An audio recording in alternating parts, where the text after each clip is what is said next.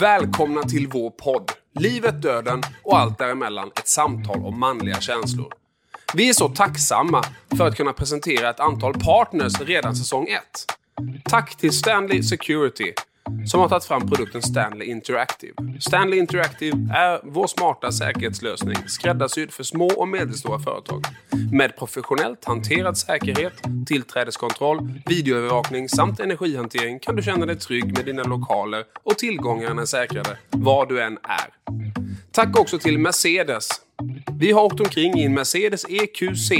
En fyrhjulsdriven, helt eldriven SUV med oslagbar kvalitetskänsla och komfort. Tills du accelererar, då blir det en sanslös sportbil. Inga utsläpp och 99 komponenter i bilen kommer från 100% återvunnet material. Mercedes är genom Kalmar Bilcentrum. De har välviljan, kunskapen och verktygen för att ta hand om dig och din bil på bästa sätt. Sist, men absolut inte minst, tack till Kalmar. Kalmar är världens bästa stad att bo i. Det är också världens bästa stad att besöka. Har du inte gjort det så är det ta mig tusan dags nu. När sommaren kommer, se till att du hamnar i Kalmar. Nu, mina damer och herrar, så är det dags att presentera veckans gäst. Bosse Andersson, vilken fantastisk person.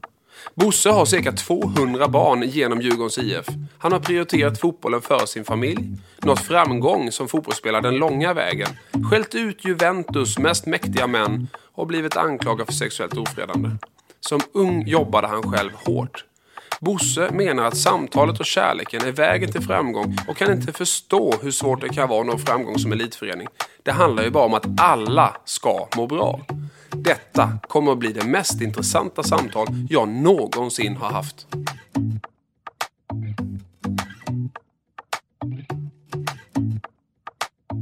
What's wrong with boys that we can't admit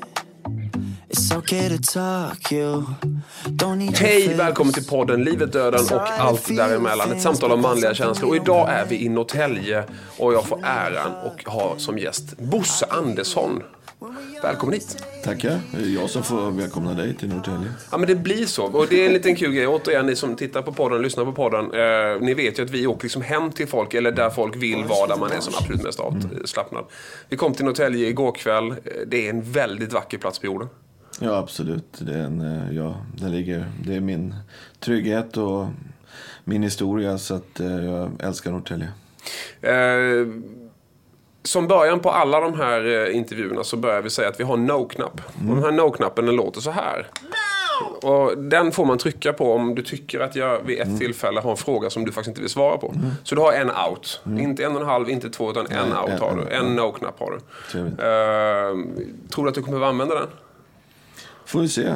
Det, det hoppas jag inte. Uh, när man... Uh, vi har haft en trevlig frukost tillsammans eh, och när man pratar om dig med eh, en massa människor så på något sätt så växer det fram en bild av gå sin egen väg, eh, våga saker, älskar eh, människor, eh, liksom brinner för kittet eh, mellan alla konstellationer och alla typer av människor för att alla på något sätt ska må bra. är det en bild som du själv ser av dig själv? Ja, det tycker jag. Eh, det, jag har vågat och eh, jag, jag, tycker jag, jag är en lagspelare eh, och kanske envis skulle in däremellan och gillar att få saker gjorda. Doer och strateg är en person, kan man säga så? Ja, jag tror man, det beror på hur man upplever mig. Men däremot så tror jag att jag har ett eh, långsiktigt tänk eh, i där och har någon strategi som man måste förhålla sig i. Fast man kanske, när man tittar på mig eller upplever mig så, så, så kanske man inte tror det. Eh, när jag pratar med agenter och den typen och pratar om dig så är det ju dessutom så att de säger så här, ah, men Bosse är ändå lite gudfadern på något sätt. Alltså de andra eh, klubbcheferna och sportcheferna runt om i Allsvenskan, de är så här, fan nu är vi det här, kan du hjälpa oss med något? Och även där så upplever jag att jag får till mig att du faktiskt är öppen med hjälp och tankar. Och, eh, alltså det är en tuff bransch men du är ändå en, en eh, någon form av, eh, du ställer upp även där så att säga vad jag förstår. Nej, men det är klart. Jag tror man ska ställa upp. Jag tror att man måste ha ett eh, bra, bra dialog eller någonting. Och jag tror det ligger i grunden att man hjälper människor och, och information eller vad det kan vara. Det tror jag.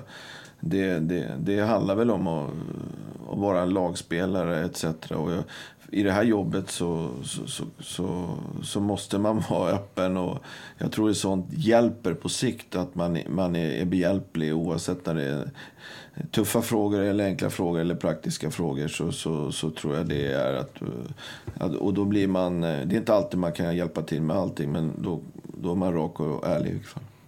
Eh, kan vi inte bara gå tillbaka till höstas, eh, den där klassiska, klassiska intervjun. Eh, för det var, om vi nu pratar eh, manliga känslor, vilket ändå någonstans är en del av den här eh, poddens tankar.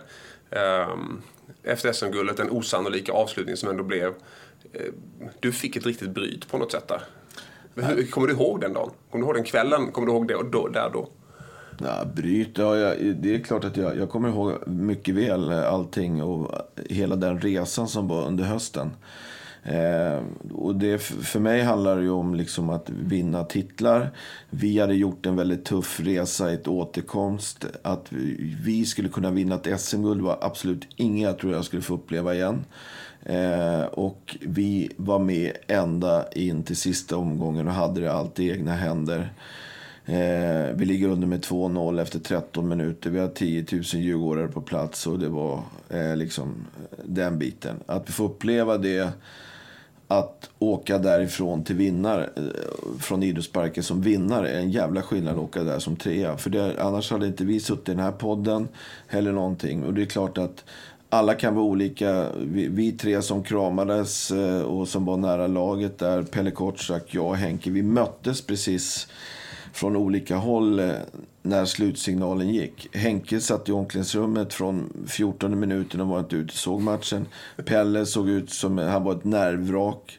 Och jag satt på läktaren eh, och Eh, bara, bara. Jag trodde faktiskt, jag, jag var livrädd. För fotboll och idrott är så jäkla dramatiskt. Och i det här fallet var det dramatiskt. Eh, att allting kan hända tills domaren blåser. Eh, och ja, det här kommer att lösa sig eller man tror, lägg av. Jag ville sitta där som vinnare. Jag vet de här grabbarna och spelarna och ledarna. Att få uppleva det här att vi vinner, står där som mästare i en allsvenska. Det är väldigt få förunnat och det är en jävligt tuff resa att kunna göra det. Alltså, eh, när man pratar om eh, manliga känslor, vi ska prata om dig och, och, jag, har liksom, jag har fått intervjua folk som jag, jag har fått en hygglig bild av ditt liv från liksom lanthallen och bröderna och familjen och pappa och syster och sådär. Men, men eh, du har ju i ditt yrke en annan roll än många av de andra vi intervjuar. Du har kött och blod runt omkring dig hela tiden mm. som lever i eh, unika situationer. De bor i lägenheter, de flyttar till andra städer, andra kontinenter, ska trivas i en grupp och ett sammanhang och gå ut varje vecka och prestera. Och sen har du i det också alla tiotusentals fans som lever och brinner för varumärket och mm. deras vardag påverkas. Och sen har du affärssidan av det, vill säga sponsorerna mm. som, och, och, hela den sidan som också brinner fast på ett annat sätt. Så du, mm. du, du är någonstans kittet i en massa manliga känslor här i någon form. Ja, och många idéer och, och, och trycket. Det här uppdraget är, är extremt eh, komplext. Att just som du säger, man ska vinna fotbollsmatcher, man har personligt ansvar för olika historier som, som är här i ett lag. Och sen framförallt trycket på att eh, när man förlorar fotbollsmatcher är inte... Eh, det är ingenting som våra supportrar gillar. Eh, och, och, samtidigt så, så, så är, även med sponsorer så eh, är jag otroligt tacksam eh, att, att vi har fått det förtroendet man kan göra. Det är klart att... Eh, eh men jag tror det också handlar, det är lätt att säga det i framgång, men jag jag duckar aldrig för att stå upp för, för, för Djurgården. Jag skulle aldrig ta ett beslut som var dåligt för Djurgården. Eh, och eh, jag gör inte av egen vinning. Det känner jag mig ganska trygg över. Och, och, att jobbar man hårt, långsiktigt och har någon klar idé och en strategi, då kan man uppnå mål. Vilket jag har gjort väl. Jag har vunnit fyra SM-guld, det är så man mäts. Och vi har vunnit fyra cupguld som jag också är extremt stolt över. Eh, men det är en otroligt tuff utmaning och då måste man känna sig trygg som person. Man måste vara rak och ärlig. Du får inte vara konflikträdd. Eh, och du måste eh, ta någon smäll. Absolut. ja, vi, hade ett, samtal igår med en av de, dina kompisgäster i, i den här podden. Jag frågade sådär. Ehm, det är ju ändå någon form av eh, superkraft att kunna vara där för väldigt många andra människor samtidigt som man har en egen agenda. Mm. och jag tycker inte man ska ducka för den, för det är ju inte, det är ganska få som löser det så att säga, mm. som, som människa och, och män.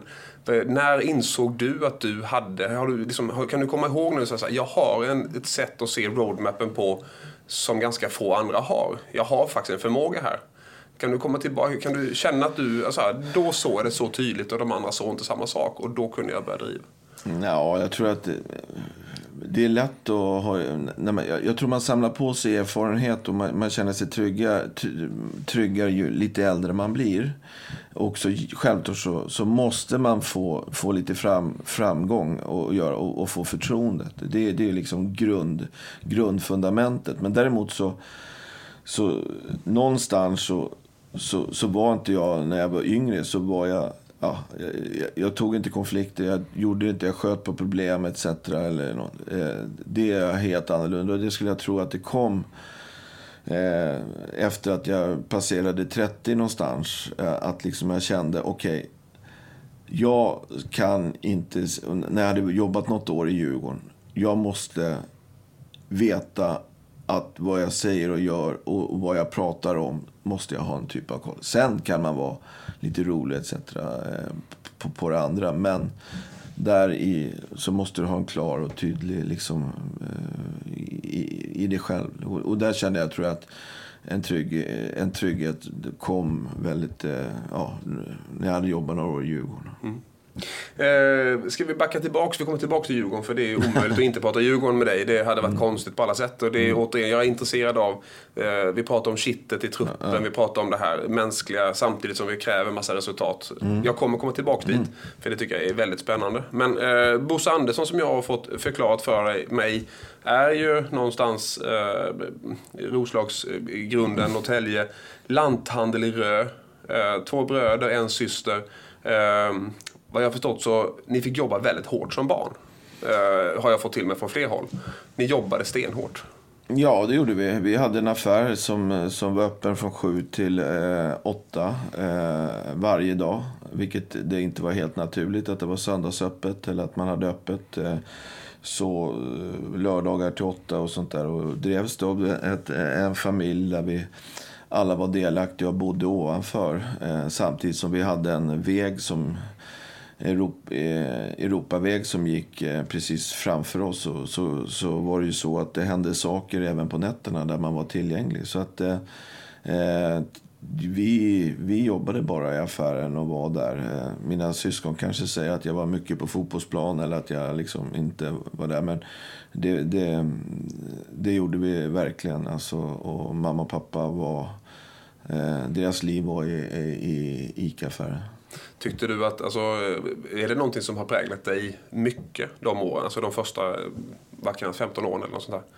Ja. Det, det, liksom, alltså, det som har satt dig som människa, men utifrån din... Det, men... Man jobbade jämt, vi jobbade jämt, vi spelade lite fotboll.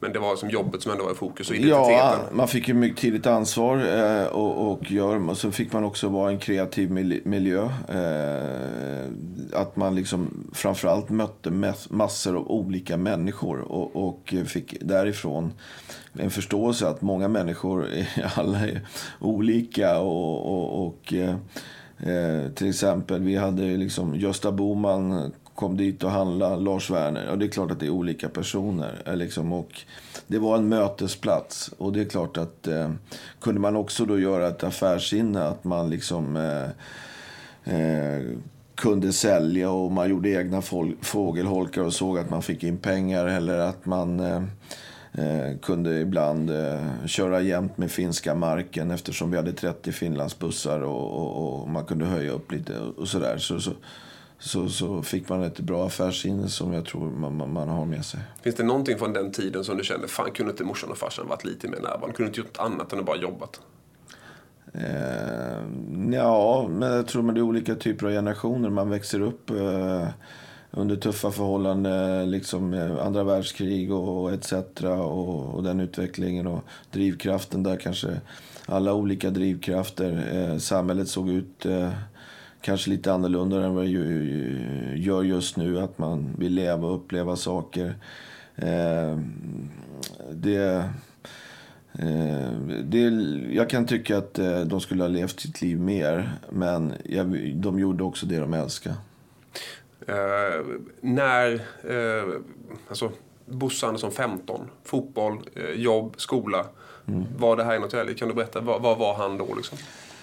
Nej, men det var väl en kille som precis eh, liksom var, kände så här att när man var 15 år att fan, jag ska, nog, jag ska satsa på fotboll. Eh, jag skulle vilja bli fotbollsspelare. Jag skulle vilja bli allsvensk fotbollsspelare. Jag visste att jag hade extremt dåliga förutsättningar eftersom jag spelade division 7. Eh, men men älskar den här miljön, att vara i ett lag och, och jag hade förmånen att göra mycket mål och vara liksom, eh, eh, bli respekterad av de äldre. Och, och meta sig med dem, det, det, tror jag var väldigt viktigt. Och då, för att jag skulle kunna meta sig med dem, då var jag tvungen att träna ännu hårdare. Och jag tränade jävligt hårt själv för ett mål, att kunna komma upp till allsvenskan. Så att när jag var 15 år så så var jag otroligt ambitiös för att ge det här en chans att kunna bli en fotbollsspelare. Skolan? Sko skolan... Eh, jag, jag var, kan väl säga så här att när jag var 15 år så hade min polett ramlat ner. Att skolan var ganska viktig. Så jag hade en ganska stark utveckling när jag gick ur nian. Jag höjde mina betyg ganska rejält. Eh, och... Eh, kände väl också att, eh, att eh, de första fem, sex åren var det någon som hade kvartssamtal hemma med lärarna. Ja, då var ju jag en av dem. Så det är liksom, jag tyckte ändå att jag hade en bra utveckling i synnerhet eh, åtta, nian också när vi eh, delade upp klassen och träffade andra människor som kanske inte, eh, som också var väldigt duktiga i skolan som stimulerade mig. Hur tänker Djurgården och du idag om ni tar in en 17-åring säger vi i A-truppen som mm. är supertalangfull och som ändå har två år kvar i gymnasiet egentligen. Och sådär. Mm. Hur, jobb, hur jobbar du där idag? Äh, vi är väldigt klara och tydliga med gymnasiet, skolan och förtur. Eh, det, vårt mål är att alla ska kunna gå ut och spela fotboll i Djurgården och eh, gå ut med godkänd gymnasiekompetens. Det är vårt ansvar. Eh, det ena utesluter inte det andra i vår miljö. Men däremot, går det inte bra i skolan, då får det konsekvenser på fotbollen. Och det tror jag man måste ha. Intressant. Eh, du började spela i, Rö. Mm. Eh, och sen gick du till Väsby. Mm. Nej, i Vargarna. Jag var i Norrtälje ett år. Vargarna, mm. Och sen till Väsby. Mm. Hur var åren i Väsby? Nej, men det, det var otroligt. Eh, Väsby på slutet av 80-talet, det bubblade i, i Väsby. Eh, det var, hockeyn hade precis gått upp i elitserien, eller spelade i elitserien. Eh, med killar som var från Väsby. Fotbollslaget hade gått från division 4 upp i näst högsta serien med 14-15 spelare som var från Väsby med några, några där. Det bubblade optimism i, i, i Väsby.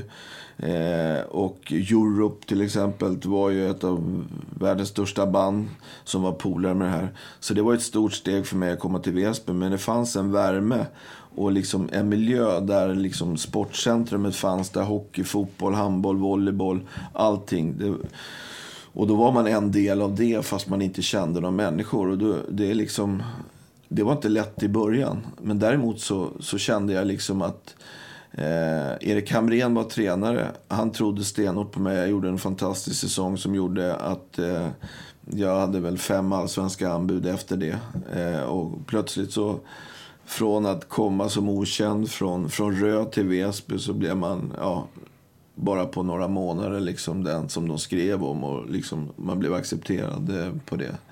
Eh, det, så det, var, det är vänner för livet eh, som, som, som jag har kvar fortfarande. Jag kommer fortsätta tillbaks, komma tillbaks till eh, den här, eh, jag kallar det superkraften förut, kalla det vad du vill, men någonstans redan här, så du säger igen. Väsby, framgång, gemenskap, ja. öppet klimat, våga vara skön, ja. eh, våga vara dig själv. Eh, du, du kan kanske till och med unna dig att ha en känsla eller två. Uh, ja. ja. men ärligt, det är inte alla miljöer som man ser det i, varken företag eller idrotten idag. Jag, jag upplever att de miljöer som lyckas är mer kärleksfulla än andra. Ja, eh, det, det, så är det. I min värld är det så att eh, om du ska känna dig trygg och etc. Och om jag är där och liksom, för mig var det stort att komma till Väsby och gjorde jag mål och blev jag skitglad.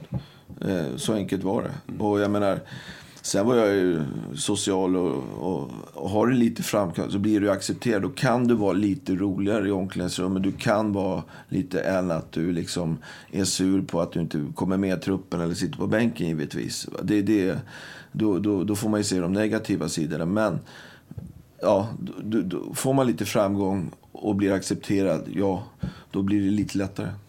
Coolt. Eh, restaurang på Lidö.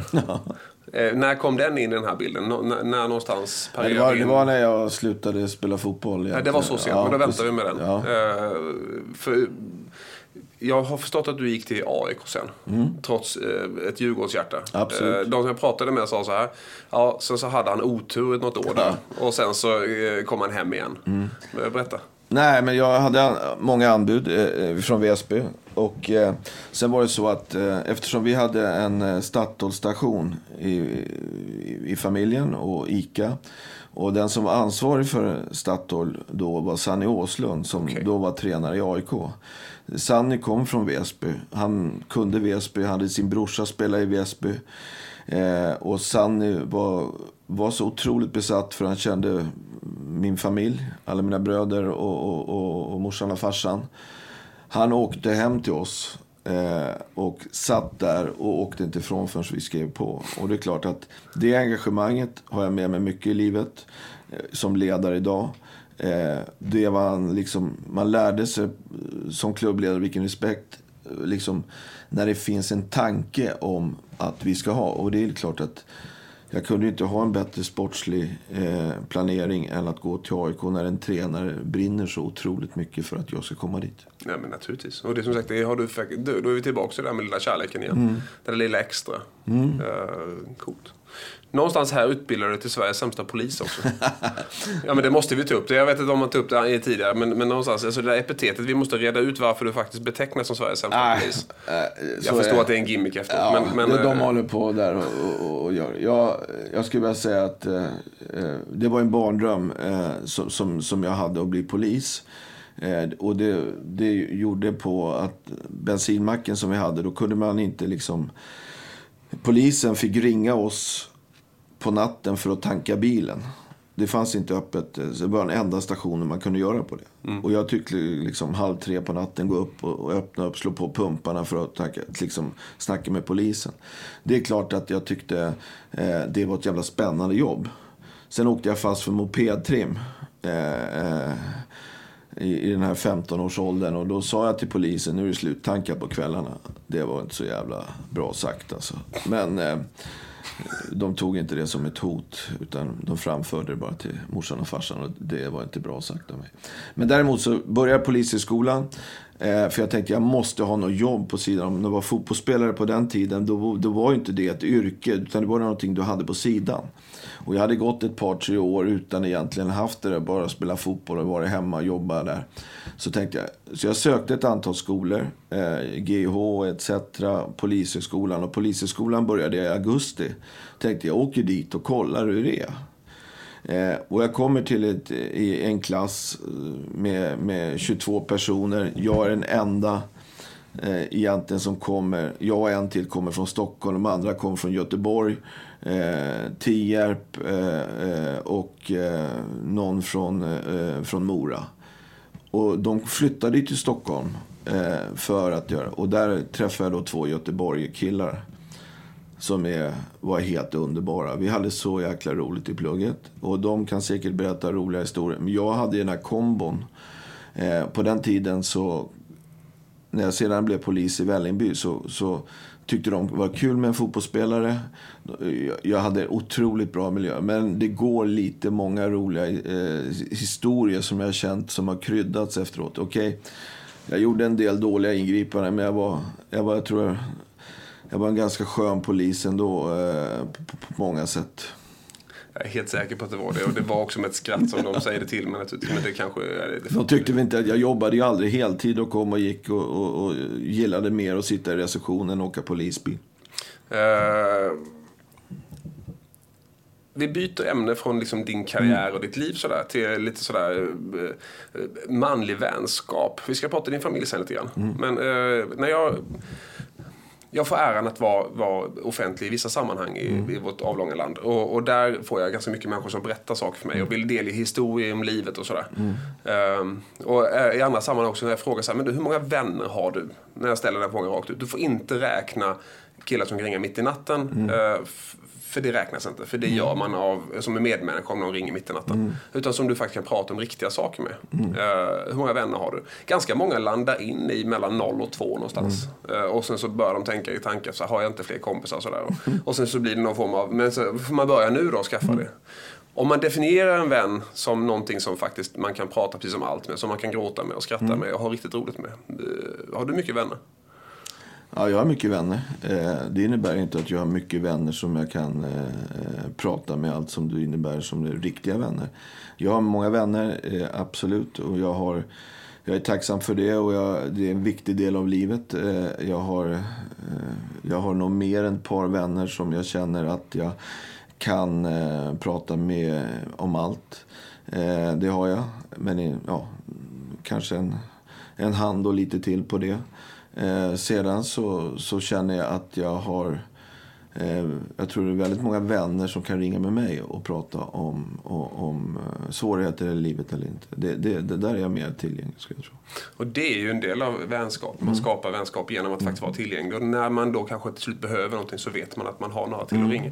Eh, när du tittar på män och runt omkring dig i, eh, i ditt yrke och mm. i din verksamhet. Är det någonting som man ska prata mer om? Eller tycker du att så här, det är en så pass hård värld så där måste man ändå liksom det, vi måste prestera och så. Alltså, finns det någonting här som man kan göra mer av? Ja, jag tror att jag, eh, jag, Som till exempel en av mina absolut bästa barndomsvänner är totalt eh, ointresserad av fotboll. Eh, jag var inne i en karriär eh, samtidigt som han kunde bara säga men det, hur gick det? Liksom? Och man bara, jag var helt tokig. Han, han, han, var bara någon som vann ungefär. Liksom, och sådär. Eh, och eh, han är idag eh, börs-VD, och har gjort en otrolig resa, varit utomlands i, 30 år. Men vi har ju daglig kontakt, fast vi jobbar med två helt skilda världar. Så har vi så otrolig nytta av varandra i ledarskapet och hur man ska uppträda och, och kan bolla så. Det är otroligt betydelsefullt för mig. Eh, egentligen fast han håller på med tillverkning, jag håller på med människor som ska prestera och göra resultat.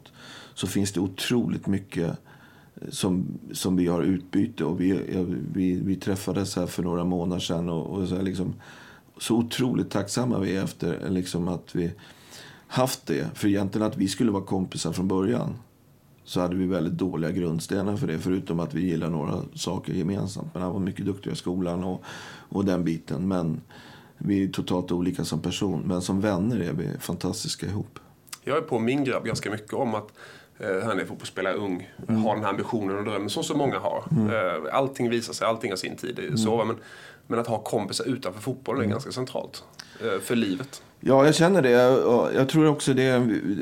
Absolut när man växer upp i, en sån här mindre ort eller på, på den biten så, så känner jag att jag har kompisar som har växt upp i Stockholm som kanske inte har, de säger alltid du har så mycket polare och kompisar som du har liksom men, eh, det, det, har inte vi. Vi har splittrats. Men här finns det någon beröringspunkt kvar. Man träffas på ett eller annat sätt och, och den biten. Och man, man har sin uppväxt och trygghet och man, man kommer alltid tillbaks på något sätt. Det tror jag är extremt eh, eh, från de mindre orterna man har med sig. På, du berättade om juldagen på Hotell Roslagen liksom på 80-talet. Ja, men det är ju någon så här, komma hem, mm, mm. träffas igen och ha riktigt roligt mm. tillsammans.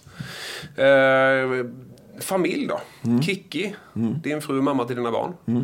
Eh, ni har varit tillsammans länge, som tusan. Ja, absolut. Vi har varit ihop ett, eh, många år, sen, eh, sen 92. Och eh, hon jobbar också med fotboll. Eh, en förstående fru och eh, som sagt var inte helt enkel att leva med eh, när man har det här jobbet. Eh, och eh, trygg och, och väldigt stark person. Är det så, eh, jag upplever att Linda som är min bättre hälft, på att säga, är så skön att komma hem till. För det spelar ingen roll vad jag har gjort så är det liksom, när man kommer hem så är det liksom vardag. Eller pratar ni fotboll hemma också? Nej, absolut inte. Vi pratar väldigt lite fotboll fast vi jobbar med det. Och jag, det är väl också någonting som jag gör också. Jag, jag, tror, med vännerna så pratar jag väldigt sällan fotboll. Jag tar sällan med mig jobbet eh, att sitta och prata med, med, med, mina vänner. Jag är inte besatt av fotboll så. Jag tycker fotboll är extremt kul och jag är eh, ganska duktig på det och, och känna på hur, hur lag. Men däremot så är jag ingen fotbollsnörd. Eh, så att eh, många av mina vänner, som jag sa, de, de, som jag var inne på, eh, min bästa vän där som, som vi haft i år, vi pratar ju aldrig fotboll. Eh, och det tror jag uppskattas eh, ganska mycket. Eh, att, eh, ja, de vill säkert prata, men det blir aldrig fotbollssnack egentligen. Dina två grabbar, eh, tror du att de tycker att du har varit iväg för mycket med fotbollen? Om de, man skulle ställa frågan till dem i ett ärligt forum. Ja, det tror jag absolut. Det är klart att eh, jag har, eh, jag har offrat väldigt mycket för mitt jobb och, och tillgängligheten. Och kanske inte funnits där, eh, absolut. Men däremot så finns det, det finns för och nackdelar. Jag tror de har upplevt en del saker som, som varit ovärderliga också. Och minnen. Jag tror det är mest goda minnen. Uh, vi byter och kör lite andra delar helt mm. om det är okej okay för dig. Ja. Uh, Bruce. Eh, har du kallats av en person som jag menar att hela världen vet vem det är. Vad var det för ett möte? Uh, ja, det var så att det var en kompis till mig som... Uh, vi hade ett möte i Stockholm uh, och så satt vi på hans kontor och så säger han att det var en massa boxningsbilder där och han är en entreprenör utan dess like som... som så, och så hux flux på det där mötet så bestämde sig att skulle han, han få möjlighet att göra en boxningsgala. Eh, och det var hans stora dröm. Eh, och den blev i Helsingfors. Eh, en VM-titelmatch. Och eh, självklart så skulle jag åka över till, eh, till, eh, till Helsingfors för att se. Det var precis den här helgen för ja, 11 år sedan, Kristi Flygarhelgen. Eh, och jag kom dit eh, till Helsingfors eh, och det var otroligt mycket folk. Men det blev också så att den här titelmatchen, precis i det läget, blev inställd för en av boxarna hade hepatit C. Och vi kom in i, där och jag såg min kompis där. Han var helt eh, alltså, uppe i blå och liksom där. Och så när vi var där på hotellet så, så, så kommer Don King in. Och, eh, och han kommer fram och vi pratar. Eh, och det är klart att det, alla känner igen Don King. Eh, ja, det gör nog de flesta i. Det är svårt att inte göra det. Alltså, i vilket fall, sen, sen några timmar senare så kom mina polare. Eh, och vi satt där i hotellobbyn och så kommer Don King och går. Och så säger han, Hello bros, are you och då kan jag säga, då höll mina kompisar på att dö. Att vad fan, han morsade på mig. Jag vet inte om det var bara tur, men det var, det var någonting som gjorde. Och eh, det var helt, jag förstår, där kom Bruce. Men jag tror nästan det är bara Don King som har sagt Bruce. Ja men det är ja, alltså Bruce är ganska coolt namn, är det inte det? Ja, absolut. Bruce, Don King. Jag tyckte det var en så jävla skön historia så den var jag tvungen till att ta mm. med på något sätt. Eh, förebild annars. Alltså, Don King kanske inte är en förebild men eh, har du några förebilder som du liksom så här, genom åren har sagt, det där eh, inspirerar mig? Nej, men förebilder, jag, jag har många förebilder. Eh, det kan vara eh, både som har gjort en livsresa, som har gjort eh, framgångsrika. Men eh, om man tittar i fotboll så, så hade jag en väldigt god relation med Lennart Johansson. Det tycker jag är en förebild. Eh, vad han har gjort alltså, jag, jag, måste, jag måste få berätta, jag stannar där, för jag, jag hoppades du säga det, för jag fick det namnet till mm. mig. Men alltså, Lennart Johansson, i min värld finns det ingen, finns ingen som har gjort mer för svensk fotboll Nej. än eh, Lennart Johansson, eh, mm. genom alla tider. Mm. Eh, vem var han för dig, och som både man och människa? Kan du inte bara lägga en minut på att berätta om Nej, Johansson? men alltså han, han var en stark ledare. han hade en passion för fotbollen. Eh, han eh, visade genom sitt ledarskap, dels i AIK, i fotbollsförbundet, i en stark utveckling av fotboll. Han är fadern av Champions League. Eh, han var också en kille som, eh, som var väldigt omtänksam. Eh, som, eh, han var väldigt snäll mot mig. Eh, och alltid i de här stora mästerskapen, eller man var där så, och han såg en, så kom han, ja, han bröt mönstret. Han var som han var. Eh, jag hade förmånen att eh, eh, vi åt middag på, på, på sommaren eh, någon gång per år. Där det var liksom prestigelöst, han var en vanlig kille. Eh, och hade de här professionella ledarskapet men samtidigt uppskattade den här miljön. Att vara sig bara Lennart och inte eh, snacka fotboll utan vara en person som... Han såg alla människor på ett väldigt, väldigt fint sätt. Och eh, eh, han är en stor förebild för mig och eh, en... Eh, ja, jag vill vara mycket som han skulle jag tro. Ja, han är ju eh, en av de mest inflytelserika i fotbollsvärlden. Sagt, fader av Champions League. Mm. Han har varit uppe på, ja, på den absolut, absolut mm. högsta nivån. Det finns, om Don King är känd i boxningsvärlden så är Lennart Johansson garanterat lika känd i fotbollsvärlden, hela världen. Nej, jag tror att han är extremt känd i, i fotbollsvärlden. Mm. Kanske mer känd än vad han var i Sverige. Man, man kommer ihåg när man var, jag har ju rest mycket med oh, Lennart Johansson. Eh, oavsett om det var i Afrika eller varit i Sydamerika så, så, så, så hade han en otrolig status i, i fotbollsvärlden. Och jag menar, jag, eh, som sagt var, eh, vad han har bidragit med det i den utvecklingen. Eh, så bara med, med Champions League, tänk att få vara den som har gjort det. Det kommer att leva kvar i all oändlighet. Ja, på alla sätt och vis. Vi har väl alla haft Champions League-kvällar?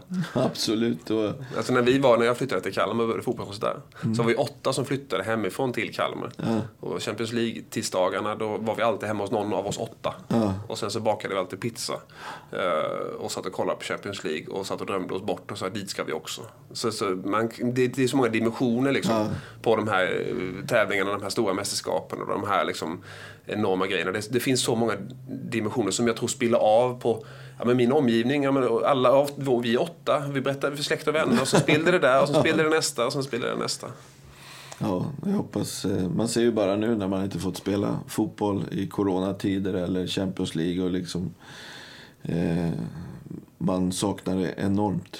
Och jag ska också säga så här att han, ett härligt minne med, med, med, med Lennart det var att eh, vi har alltid en sån här alliansmiddag mellan AIK, Djurgården och Hammarby.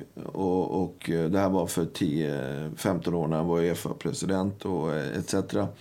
Så var det så att vi då var det vi som var värd. Eh, Djurgården skulle vara. Och då var det gamla AIK och då gamla Djurgårdare. Så, så det var ett 40-tal personer. Och eh, Lennart hade tagit fel på tiden, kom en timme tidigare. Och då var det bara jag där. Då hjälpte han mig att duka och se till att allt skulle vara ordning när gästerna kom. Mm. Och... Eh, men han var människa. Han var människa. Han hade känslor. Han mm. tillät. Återigen, jag tycker vi kommer tillbaka till de riktigt framgångsrika i, i den här världen. Har, på ledarskapsnivå alltså. Mm. Var, har du några fler förebilder? Ja, alltså jag kan förebilder. Jag tycker... Jag, människor som, som, eh, som har gjort någonting. Eh, det behöver inte liksom... Jag, eh, jag känner en... Eh, eh, jag har hjälpt en kille som, eh, som har haft otroligt tufft. Eh, och både med kriminalitet och droger. Som idag är drogfri och lever ett normalt liv. Eh, och den resa han har gjort kan man också bli ganska imponerad av. Det är faktiskt en sak som eh, jag tycker kännetecknar de vi intervjuar i, i den här podden, Livet, döden och allt däremellan. Eh, ett samtal om manliga känslor. Där eh, samtliga har sagt att de har ganska många förebilder. Att man mm. anammar små saker från ja. många människor och att man faktiskt är ganska prestigelös i det. Utan tänker att, ja, men, herregud, jag har en kraft. Men där hörde jag något mm. och det var bra. Det passar in i mitt pussel. Ja, men man eh, inspireras Man har förmågan att fånga in från många håll för man är mm. ganska öppen som, i sin personlighet så att säga. Ja, alltså man kan bara bygga, men man kan inspireras som människor. Man kan ta efter och man kan ta en liten del där och en liten del som där. Som passar just dig liksom. Ja, precis. Som man kan använda. Och det är samma som i en fotbollsklubb. Man kan åka och besöka hur mycket fotbollsklubbar som helst. Men varje fotbollsklubb är unik och alla har sina egna förutsättningar. Men man kan ta lite grann där. Man kan inte ta allt från en annan klubb och sätta en annan utifrån våra förutsättningar. Och, och det, det, man, man måste vara ute och träffa folk och inspireras. Ja, då finns det utveckling eh, för dig som person. Och, och, och eh, jag kan bli imponerad av väldigt många olika människor som, som liksom kan någonting eller gör någonting. Ja, jag byggde hus och man lär sig att snickare, liksom yrkesskickliga människor. Det är häftigt. Eh, Afrikaspåret. Eh, Mr Bow. Eh, kallas du i fotbollsvärlden i Afrika har jag fått till mig. Eh, ni har lyckats att, med konststycket att faktiskt värva ett antal från en väldigt stor kontinent med väldigt, väldigt stort utbud av människor som vill till Europa. Eh, varför har ni gjort det? Ja, det är ju många olika faktorer. De- dels för att jag har varit eh, i Afrika och rest. Eh, jag känner, jag är nyfiken. Jag har haft turen att träffa väldigt mycket bra människor. Eh, och kunna bilda en liten uppfattning. Men framför allt så, så är det att träffa spelaren och, och se bakgrund själv och tillsammans bygga en resa. För man vet att det här är ett projekt. Det kommer att gå bra, det kommer att gå dåligt. Men att vi måste ha en... Eh, har den erfarenheten att vara där eh, och se förutsättningar. Jag har själv varit som fotbollsspelare utlänning i ett annat land. Det är inte lätt att vara utlänning i, i Sverige och olika typer av kulturer och den biten. Så att för mig handlar det kanske inte alltid om den bästa fotbollsspelaren. Den bästa fo- personen som kan bli en väldigt, väldigt bra fotbollsspelare. Eh, och eh, att det finns en kontakt där och ett förtroende emellan. För det, eh, jag, jag tar ansvar för att det här projektet ska bli bra. Vi säger att det skulle vara din grabb som eh, hämtas så, så säger vi så ah, men det finns en, vi, vi vänder på det. Och, alltså, det blir ju ganska enkelt om man tänker så. Eh, vi, vi säger att det är din grabb som blir kontaktad av någon sportchef från en förening i Afrika. Alltså det man skulle, vad jag ville komma fram till var att det är ju någons pojk, det är ju någons son, det är någons bror, det är någons eh, barnbarn.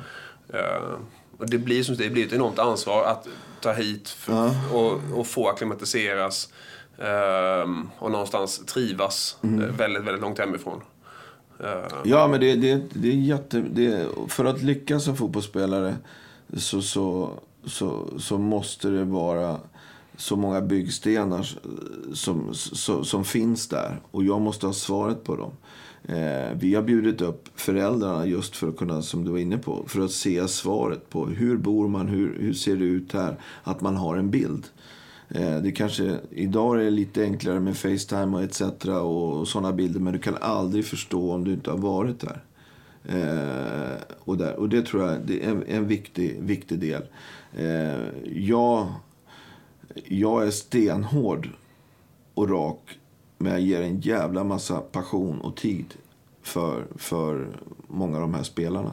Eh, för det är mitt ansvar att se till att de ska lyckas. Men då måste jag också ställa krav på dem. Eh, och eh, någonstans så, så finns väl där Mr Bo en, en respekt av att, att liksom, som jag känner eh, när jag var nere i, Kapstaden här i, i, i januari så gick jag i Langa, alltså ett township där. Då kom det en bil eh, och mitt i det där townshipet så stannade och så sa Mr Bo. Eh, ja, då hade vi träffats 2013 när jag var i, och följde Sundance i, i den biten. Och han hade ju hört då förbi eh, den biten. Det, det var ganska härligt. Så jävla läckert. Vi börjar snart närma oss eh, Djurgården igen. Men någonstans så, en sån här samtal, om jag inte hade ätit upp den där eh, med eh, liksom eh, fyllecell och det där, så, så hade det varit fel. Eh, tycker jag. Mm, Eh, av respekt mot lyssnarna. Eh, vad, vad, eh, fyllecell och sexuellt ofredande och berätta. Nej, men det var en svensexa uppe i Gävle. Så att... Eh, den... Eh, eh, vad ska man säga? Eh, vi åkte upp dit. Eh, hamnade i Gävle. Vi fick en dålig start redan från början. För vi tänkte att vi var ett ganska stort gäng. Eh, och jag var ansvarig för den där eh, gruppen. Eh, och... Eh, eh, de enda som var där det var vakternas tjejer som var på bordet bredvid i den här klubben. Och det var ingen fördel för oss. Eh, absolut inte.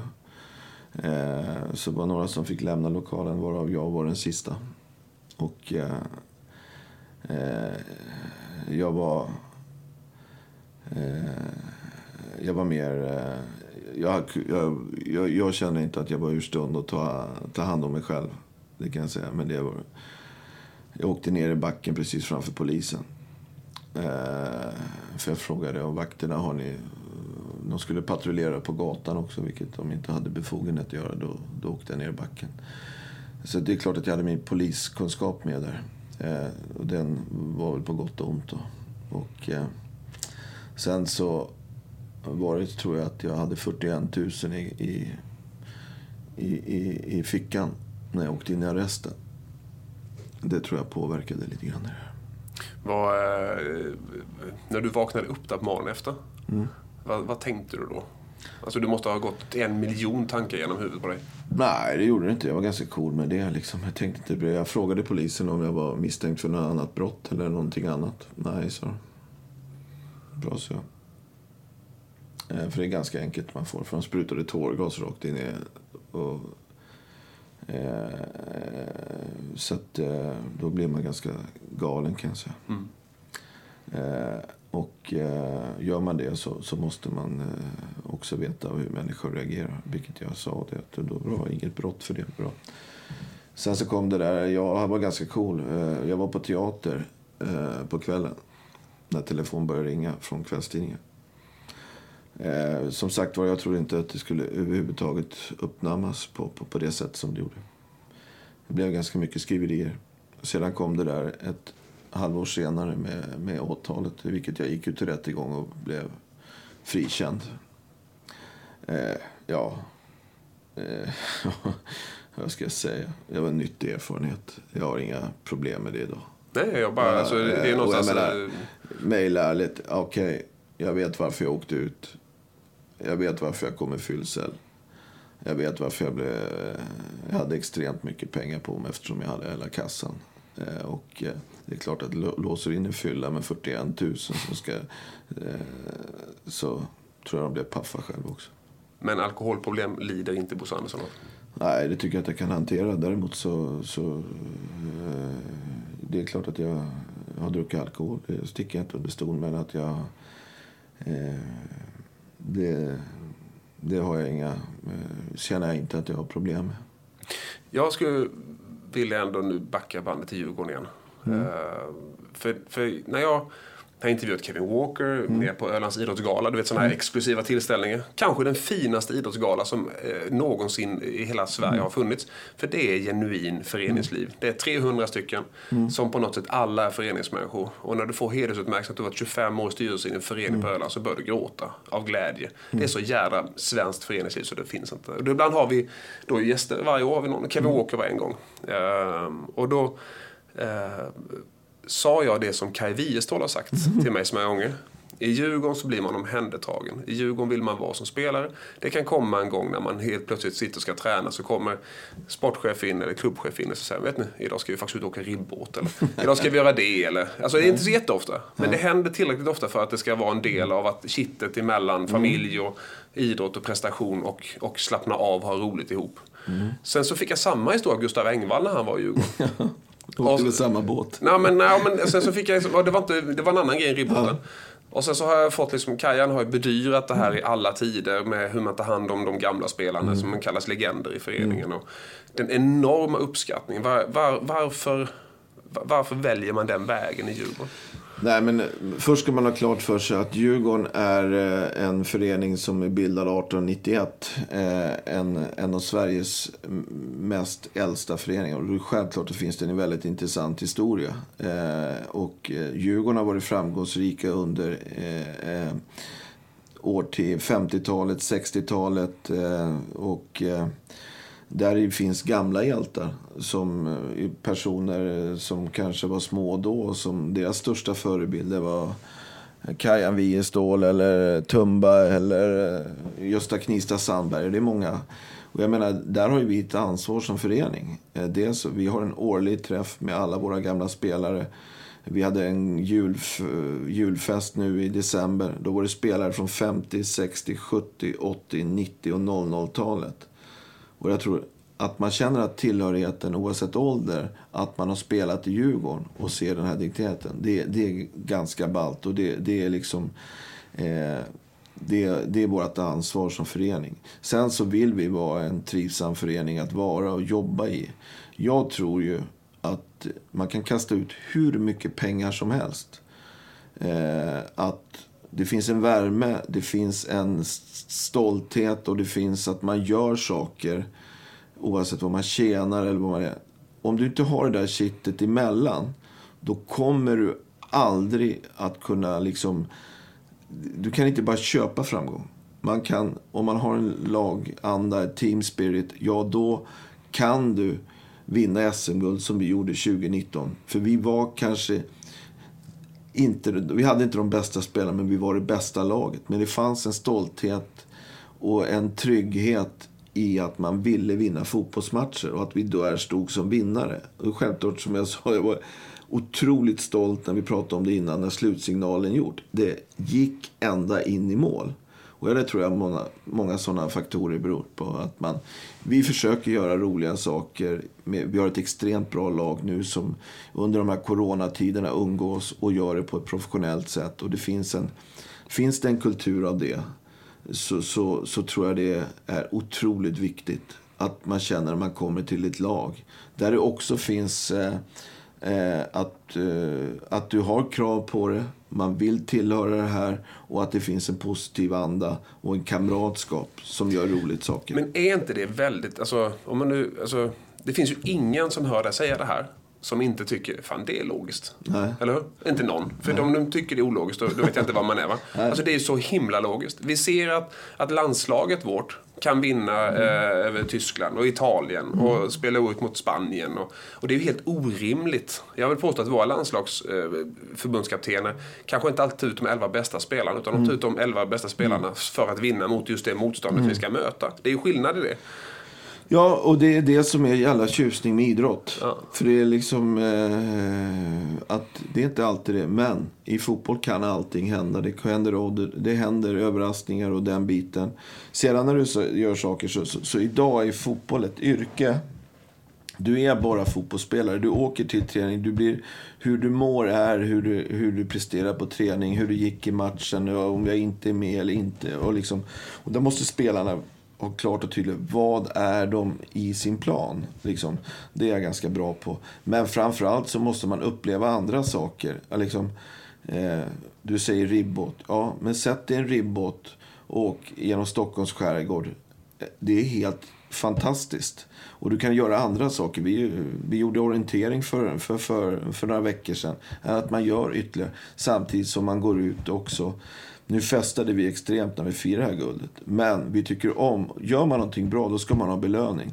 Det som när jag spelade fotboll så, så, så hade vi det här, varför spelar man fotboll? Jo, det var ju för att tillsammans med ett lag vinna någonting eh, och vinna fotbollsmatchen och sen gå ut och ha lite roligt.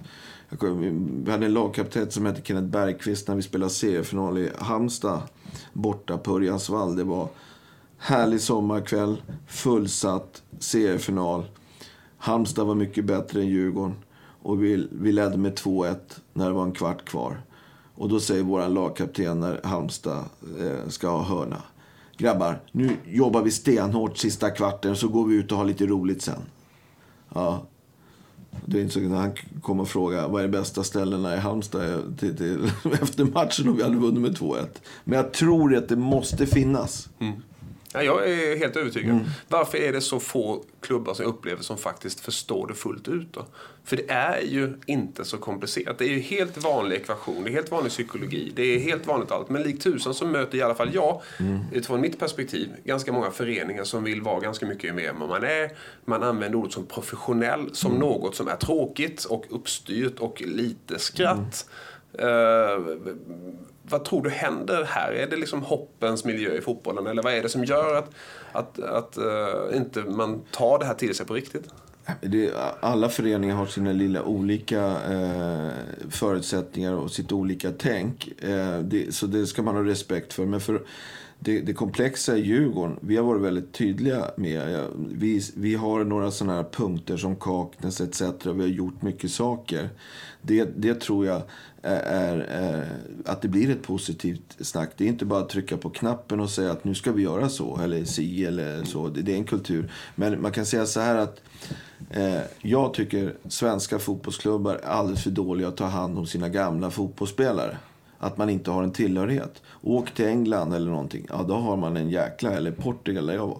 De gamla spelarna, de har en otrolig respekt. Och det tror jag, det tror jag inte bara är fotbollen. Att man måste ha kontakt med de som har gjort det tidigare. Att det finns en anda. Det är bara att just nu har jag stafettpinnen att driva Djurgården. Jag kommer inte driva Djurgården i alla... Men att det finns... Det är mitt ansvar att vi ska göra det. Skapa nya legender. Ja, absolut. Och, och, det tror jag är extremt viktigt. Eh, det är viktigt för Djurgården. Sen är det otroligt jäkla tufft att bedriva en fotbollsklubb med alla dessa intressen. Det ska man ha respekt, respekt för. Det finns ingen powerpoint eller någonting eller sånt där att driva en fotbollsklubb i vardagen är stentufft. Så jag är, tillbaka, jag är tillbaka till liksom, eh, dina grabbar då, Simon ja. och David och jag är tillbaka till Kicke som ändå har dragit ett väldigt stort familjelass i det här. Men någonstans har det ju hållit ihop ändå för ni var mm. tillsammans i 92. Mm. Mm. Eh, jag tittade på den här, skrev fans, sponsor, spelare. Mm. Alltså någon form av treenighet som ska vara tillfredsställda hela tiden. Men jag kommer också ihåg när jag pratade med honom, jag pratade med om det inför det här. Mm. Så, så sa han att han är närvarande på träningen. Han är alltid först på, på arenorna under matcher. Mm. Han, han ger eh, liksom, eh, han har två söner, ja men han har i alla fall ett par hundra söner till mm. genom åren i föreningen. För han hanterar dem som sina söner. Mm. Och så drog de ett exempel med Rickard Henriksson 2001 i spelargången inför Malmö borta. Eh, som då var reserv och fick komma in vad jag förstår och spela eh, back då, i den matchen. Där du går fram och ni känner varandra så väl så du lägger armen om honom. Här får jag berättat för mig. Jag, jag kan inte lägga armen om honom och säga så här. Du tänker inte på att detta kanske är din sista chans. Ja, ja. Alltså det är ju kärlek. Ja, men absolut. Den har jag sagt till flera. Absolut att när de går in och spelar sin första match från, från start Tänk på att eh, det finns bara de som har fått eh, en, en chans. Men tänk inte på det nu. Jag tycker det är ganska bra. ja, men det avväpnar ju lite. Ja, och Rickard gjorde en kanonmatch eh, och, och, vi vann. Så att, eh, men jag är ganska positiv. Eh, jag tycker det är viktigt för att liksom... Eh, vi kan ta en parallell med, med, med Henrik. Som, vi är väldigt olika som människor. Och jag tror det är också viktigt att... Djurgårdens VD, Henrik Berggren. Henrik Berggren. Vi, han är, alltså att du hittar att du umgås med folk som inte är lik dig. Utan man, man liksom, vi är väldigt olika som personer. Men vi förstår varandra eh, på ett väldigt bra sätt. Och han hade väl i match. Han gick och satte sig efter 14 minuten i Norrköping. I omklädningsrummet och gick inte ut förrän slutsignalen. Eh, däremot så kände jag att jag måste sitta där oavsett. Jag och fronta liksom. Ja, du ska också ha klart för det att vi, vi skissade. Jag sa kommentarer i halvlek som var redo att ligga för om vi inte hade lyckats. Du kan tänka dig att ha, ja, ja. Liksom, hur mycket du har i huvudet och etc. Vad det här ska betyda. Men liksom, okej, okay, jag står upp mina bakom mina grabbar oavsett. De har gjort en fantastisk säsong. Eller hur? Mm, mm, Jävla skönt ja, att inte den kom ut. Va? Jätteskönt. Ja, och jag menar, så att... Eh, Eh, nu tappar vi lite spåret. Nej, men vi gjorde faktiskt inte det. För vi har pratat om mm. dina 200 mm. valet ja, nej, men alltså, sen, sen, är det ju så att jag... Eh, jag vet att jag... Jag är där. Och jag står bakom... Jag tror de känner det. Att jag står bakom dem i vått och torrt. Eh, framgång eller eh, att det går dåligt. För det är inte alltid det går bra. Men att finnas där och ha ett ledarskap. Det tror jag Eh, eh, det är väldigt viktigt. För det är klart, man vinner inte alltid i fotboll. Man vinner inte matcher. Man kommer att förlora matcher. Man får inte vara rädd för att förlora. Och jag menar, där, där jag har stått i, i motgång också. Eh, Men är det så att den största, eh, vi pratade tidigare om talang och sådär, och pratade skillnad på eh, talang och tidigt fysiskt utvecklad och hela den här biten. Men jag tolkar ändå när man pratar med dig om dig som att det finns en, en talang som eh, man pratar om lite för lite. Det är den totala viljan att vinna och att det aldrig finns en rädsla att förlora. När jag har intervjuat eh, Henke Lundqvist, Sara Sjöström, Ingmar Stenmark allihopa. Så när jag pratar så här, men du, har du förlorat någon gång? De tittar på mig som att jag är dum i huvudet. För de har aldrig tänkt tanken att vara rädd för att förlora. När de var aktiva. För det, viljan att vinna var så stark. Men inte på bekostnad av att vara rädd att förlora. Nej, men så, så är det. Eh, nu, nu, nu snackar du om några av de största. i- Jo, men jag menar att det är faktiskt de som spelar i Djurgården är de största för ganska många tiotusental i Stockholm och i, faktiskt i Europa som hejar på Djurgården. Absolut. Alltså det är samma sak om du spelar i Rö så har du ett antal där du är den stora stjärnan i division 7. Ja. För att du har ju några som hejar på det laget nästan lika passionat, passionartat som vi hejade på Ingmar Stenmark. Jag tror inte det är så stor skillnad. Nej, det absolut. Jag, jag satt också i skolan när Ingmar Stenmark åkte när man bröt lektionerna för han skulle åka sitt andra åk. Vilket är helt otroligt. Tänk dig idag. Ja, det eller hur? Vilka minnen. Så där har största respekt för Ingmar Stenmark. För mig är han number one tillsammans med Björn Borg. Eh, men jag, jag tror att det krävs och om man bara tittar på liksom historien så tror jag alla skulle säga okej, det var det tillfället som gjorde att just precis där kände jag att jag skulle kunna bli stjärna. Det, det tror jag. Och sen är det, skulle nog alla säga så här, men det var det, tillfällighet precis att jag vann där. Jo, men du har inte, det är inte en tillfällighet kanske. Men jag tror många skulle säga så. För att, eh, eh, att man liksom, man har jobbat så hårt. I mitt fall så var jag så besatt av att bli fotbollsspelare. Så jag var så jävla... Jag gick in för det så in i helvete. Och jag gick in i det mycket mer än de andra. För jag var på en lägre nivå. Men när jag gjorde det så, så, och gick till 100 procent. Då, då, då blev jag en stjärna i det laget jag blev. Vilket inte var automatiskt när jag kom. Och det är en jävla skön för själv, självförtroende och självkänsla. Och det gör att man. Och där ställer jag hårda krav. Att vi har spelare som, som kan göra en dålig match. Ja, det kan man göra. Men man kan inte göra det på dålig inställning. Då blir jag tokig. Men alltså... Eh, relationer med människor. Jag vill avsluta. Vi har haft en eh, fantastisk... Jag vill, alltså, sammanfattar jag dig så blir det liksom allt. Det blir en person som, som eh, är hård, eh, tydlig, gör eh, massa bra beslut, gillar människor men ställer massa krav, eh, prestigelös. ehm, det finns massa epitet på, på liksom, eh, Bosse Andersson. Ehm, men du har träffat väldigt mycket folk. Kan du inte namedroppa något? Bara ett par, liksom, eh, någonting som, eh, så här, wow. Det måste du kunna ge. Ja, men jag, har jag har träffat mycket människor. Jag känner... eh, Maindropping, det, vad ska vi säga? John Barnes tycker jag var ganska skönt. Vi åkte på samma flyg från Johannesburg till London. Eh, helt otroligt. Och det roliga var det att jag skulle träffa en kille som jobbar med TV. Så han sa det två dagar innan. Men jag frågade, jobbar du kvar med Champions League? Nej, för fan. De flyger in sådana som John Barnes och sånt bara hit för att sitta där. Två dagar efter sitter jag med samma flyg. Brövar han i elva timmar.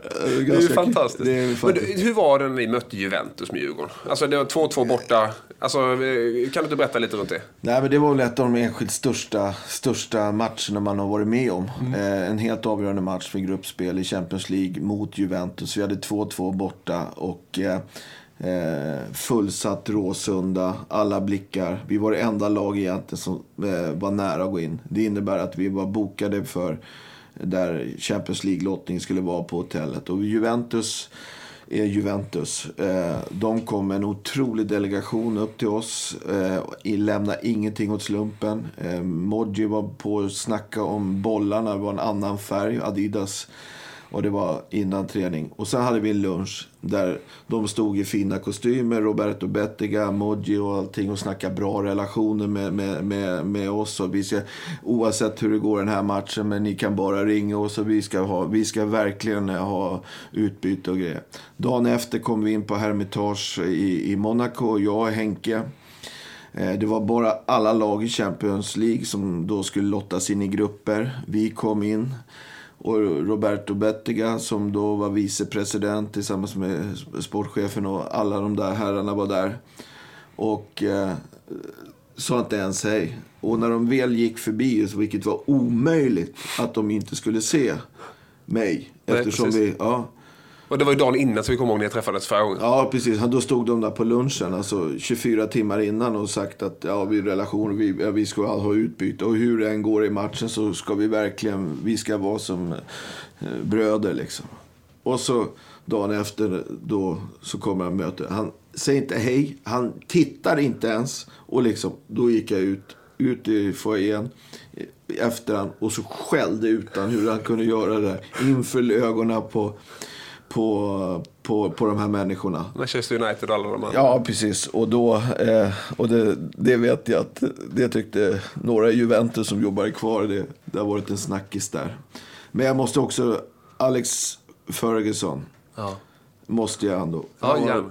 han, han, eh, vi skickade ett, eh, 1998 så ville vi, jag komma på besök och titta där.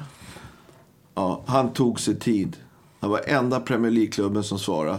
Han tog sig tid och satte med mig och några till från Djurgården och pratade om det. Och då kan jag säga 98. Ja, men det var ju, det var ju alltså, herregud, det var ju primetime deluxe. Absolut. United. Men alltså, det, återigen, då pratar du med en människa som blir en förebild, som tar sig tid, Ja. som tänker shit, som tänker eh, mellanmänskliga relationer, som tänker det är okej att lipa lite, det är okej att ha känslor. ja, men alltså, som människa, eller hur? Lipat. Jag, jag har grinat när jag slutade 2008. Jag har grinat när vi vann kuppen eller nästan. Men klart jag grinar. Men fan, jag grinar ju inte hela tiden. Jag är en jävla glad kille. De där tårarna tycker jag kommer fått alldeles för stor med uppmärksamhet. Fast jag kan tycka att det är läckert. Alltså. Jag kan tycka att det är Ja, Mm. ja. någonting fantastiskt. Jag tycker tvärtom att de kanske har fått för lite uppmärksamhet. För det, det är ju bara ett tecken på passion för människor och den förening man har. Allting annat är ju bara en feltolkning. Ja, jag har passion för Djurgården. Jag vill att vi ska vara bäst och få uppleva det vi har gjort. Det var, det var fantastiskt. Det, det var ett härligt minne. Det var två veckor efter det där. Vi firade ganska ordentligt här i höstas och var ute på allting. Och så var jag ute själv på landet. Så tänkte jag, jag ska kolla på tv-sändningen. Där. Och eh, när jag precis hade gjort det, tänkte man, då fattar man ju. För jag hade inte sett det, liksom, hur, liksom, hur det upplevdes. Sådär. Men så ringer Henke mig när jag hade sett den där kvart efter.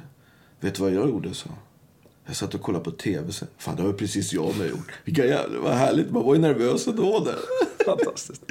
Eh, Bosse, tack så hemskt mycket för att du lät oss komma till Ja. denna fantastiska plats. Vi är på hot- hotellet. Precis Hotell. vid, vid Norrtälje, eh, flodens lilla mynning här i, i, i havet. Det är ju en väldigt, väldigt vacker plats på jorden. Tack hotellet och eh, tack Bosse eh, och tack för att du tog dig tid att dela med dig av känslor och tankar. Till podden Livet, döden och allt däremellan. Ett samtal om manliga känslor. Tack. Livet, döden och allt däremellan ett samtal om manliga känslor. Vi är så tacksamma för att kunna presentera ett antal partners redan säsong 1. Tack till Stanley Security som har tagit fram produkten Stanley Interactive. Stanley Interactive är vår smarta säkerhetslösning skräddarsydd för små och medelstora företag. Med professionellt hanterad säkerhet, tillträdeskontroll, videoövervakning samt energihantering kan du känna dig trygg med dina lokaler och tillgångarna är säkrade var du än är. Tack också till Mercedes. Vi har åkt omkring i en Mercedes EQC. En fyrhjulsdriven, helt eldriven SUV med oslagbar kvalitetskänsla och komfort. Tills du accelererar, då blir det en sanslös sportbil. Inga utsläpp och 99 komponenter i bilen kommer från 100% återvunnet material. Mercedes är genom Kalmar Bilcentrum.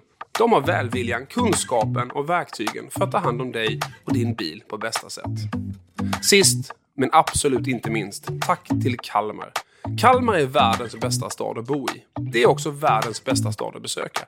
Har du inte gjort det så är det ta mig tusan dags nu. När sommaren kommer, se till att du hamnar i Kalmar.